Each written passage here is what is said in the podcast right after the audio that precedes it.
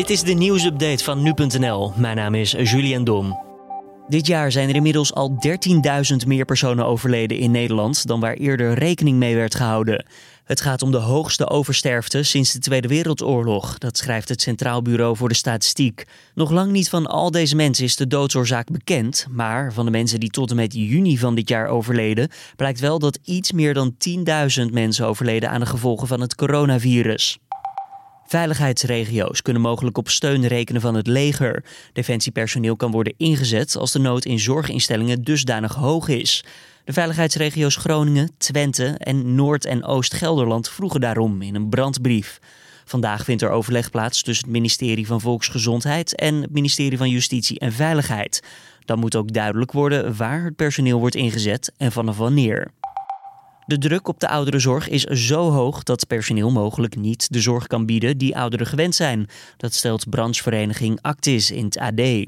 Als optie noemt Actis minder vaak douchen of het stopzetten van de dagbesteding.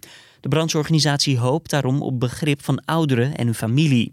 Het ziekteverzuim bij de zorgcentra met een grote corona-uitbraak ligt ruim boven het gemiddelde van 10%. En de rek is daardoor volledig weg, al dus de brancheorganisatie.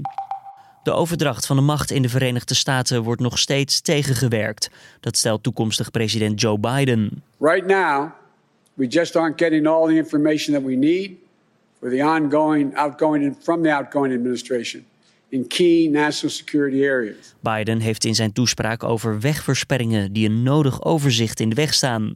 Ook stelt hij dat vijanden van de VS gebruik kunnen maken van het gebrek aan samenwerking tussen de huidige en de komende administratie. Ophef in de Tweede Kamer over een vrouw in de gemeente Weidemeren die duizenden euro's bijstand moet terugbetalen omdat ze boodschappen van haar moeder cadeau kreeg. De gemeente wil het geld terug omdat deze giften van de uitkering zouden moeten worden afgetrokken. De vrouw zegt echter dat ze bijna geen geld heeft voor boodschappen. Vrijwel haar volledige uitkering gaat op aan vaste lasten. Volgens de SP toont dit dat de overheid verdronken is in regelzucht. En PVV-leider Geert Wilders schrijft op Twitter dat er dus helemaal niets is geleerd van de toeslagenaffaire. In de omgeving van de Drentse plaats Hogeveen hebben maandagavond meerdere branden gewoed. De eerste brand brak uit bij een tennisvereniging. Twee bestelbusjes raakten daar zwaar beschadigd door het vuur. Korte tijd later stonden op twee verschillende locaties personenauto's in brand. Dat betekende een drukke avond voor de hulpdiensten. De brandweer wist het vuur wel snel te blussen en zover bekend raakte er niemand gewond. En dit was dan weer de nieuwsupdate.